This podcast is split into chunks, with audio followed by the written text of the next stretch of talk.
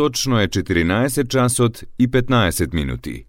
Ја следите програмата на македонски јазик на јавната медиумска установа Радио Телевизија Војводина, трета програма. Емисија Македониум.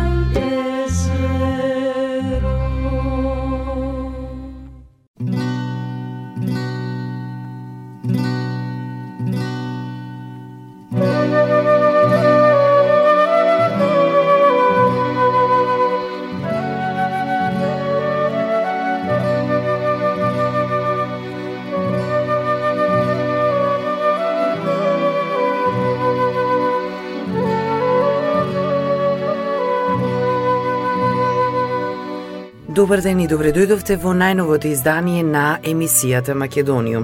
Со вас е вашиот уредник и водител Јулијана Милутиновиќ, секоја среда со почеток во 14 часот и 15 минути на фреквенцијата на третата програма на радиото при Радио Телевизија Војводина.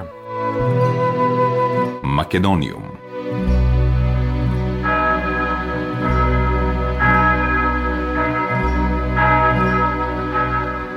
Градот Охрид е град во југозападниот дел на Македонија на северисточниот брег на Охридско езеро.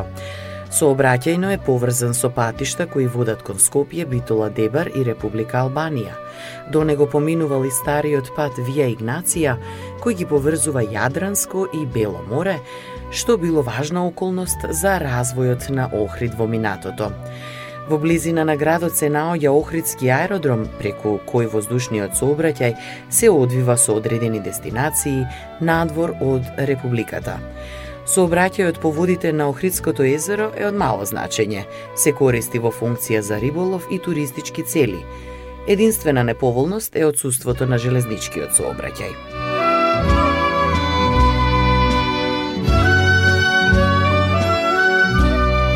Македонијум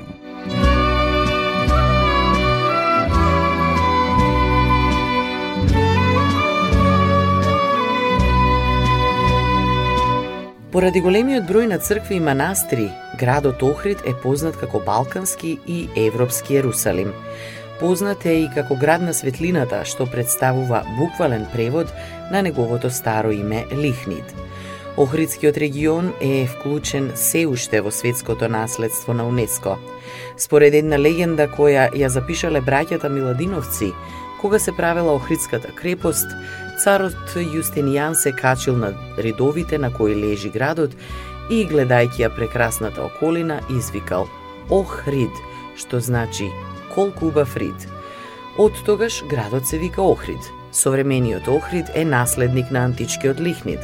Според податоците, градот првпат се споменува 2400 години пред новата ера. Лихнид се наоѓал на патот Вија Игнација, најстарата и најзначајна римска сообраќајница на Балканот.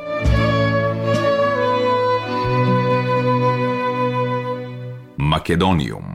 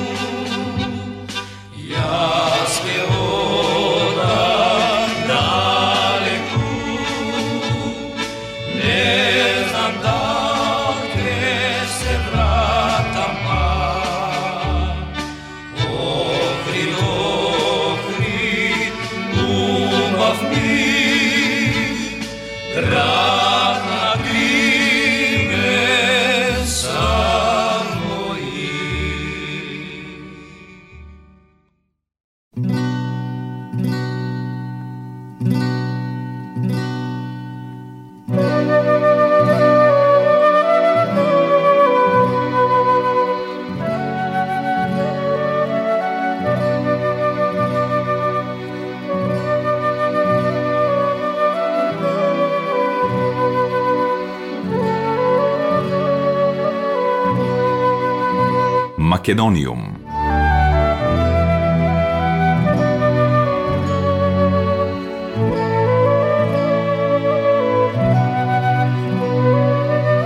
Охридскиот крај уште во втората половина на 8 век станал привлечно подрачје за бугарската држава. За време на бугарскиот цар Борис I Михаил, македонските територии во воено-административен поглед биле опфатени во неколку комитати. Охрид бил во комитатот што ги опфаќал Охридско-деволските краишта. Во 886 година Климент по кратко задржување во бугарскиот двор бил испратен во Македонија со важна државна мисија. Како учител и епископ, Климент, заедно со Наум, ги поставиле основите на така наречената Охридска глаголска книжевна школа. Благодарејќи на дејноста на Климент и Наум, градот Охрид во втората половина на 9 век станал словенски културен центар, а цар Самуил го претворил во религиозен центар и главен град на царството. Неговите тврдини и ден денес стојат високо над самиот град.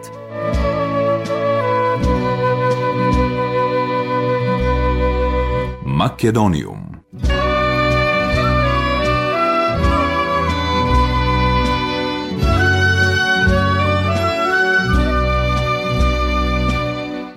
Формата на Самуиловата тврдина потекнува од времето на Самуил, макар што и по него постојат податоци за разурнувања и повторни поправки на тврдината од страна на турците и византиците се одликува со зидови од височина од 10 до 16 метри и дебелина од неколку метри. Од сите страни, со исклучок на јужната, која е свртена кон езерото, Ридестиот дел на градот Охрид бил заштитен со високи зидови и кули во должина од 3 километри близу Охридското пристаниште. Со своите утврдувања и зидини го зафаќа целиот Охридски рид. На тврдината денес се сочувани 18 кули и 4 порти. Делови од тврдината се простираат кон езерото и кон понискиот рид на стариот дел од Охрид. Во стариот дел на градот се влегувало низ три порти, од кои зачувана е само горна порта. Во незините зидови се взидани многу камења со грчки надписи. Под делумно урнатиот надворешен слој во внатрешните зидови се забележуваат хоризонтални слоеви од тули со византиски формат.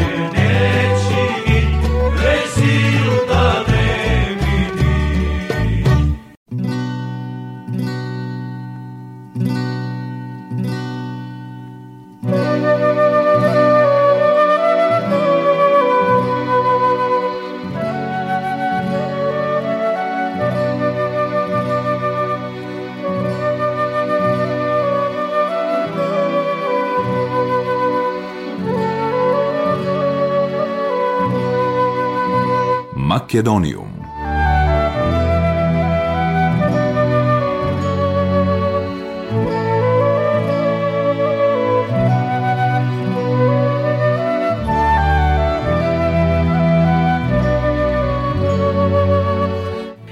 Во близина на ранохристијанската епископска базилика во местност Стаплаошник, во 2002 година беше осветен новоизградениот храм, посветен на Свети Пантелеймон, Свети Климент, кој бил голем градител на цркви и манастири, од кој најпознат е манастирот на Плаошник.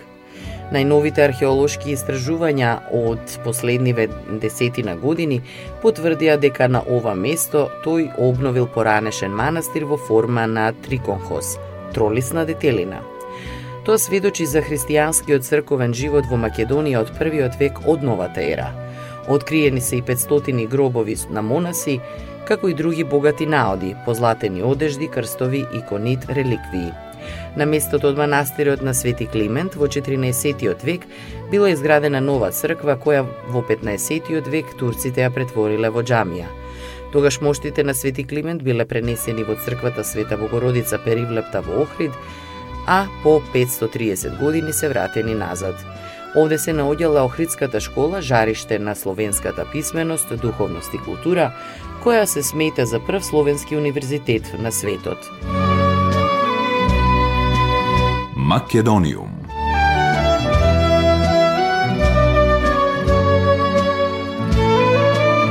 Еден од ендемските видови е охридската пастрмка, сладководна риба во Европа и е најблизок предок на видовите кои живееле на ова подрачје уште од терциерот. Таа се разликува од поточната по сплеснатото тело, малата глава и звездистите сиви дамки по телото. Бојата на месото кај некои од нив е бела, а кај некои розова – Максималната должина се движи од 25 до 60 см, а максималната тежина до 16 кг. Мелезите настанати со вкрстување на поточната и охридската пастрмка по телото имаат наизменично распоредени црвени кружни и сиви звездести дамки како летницата.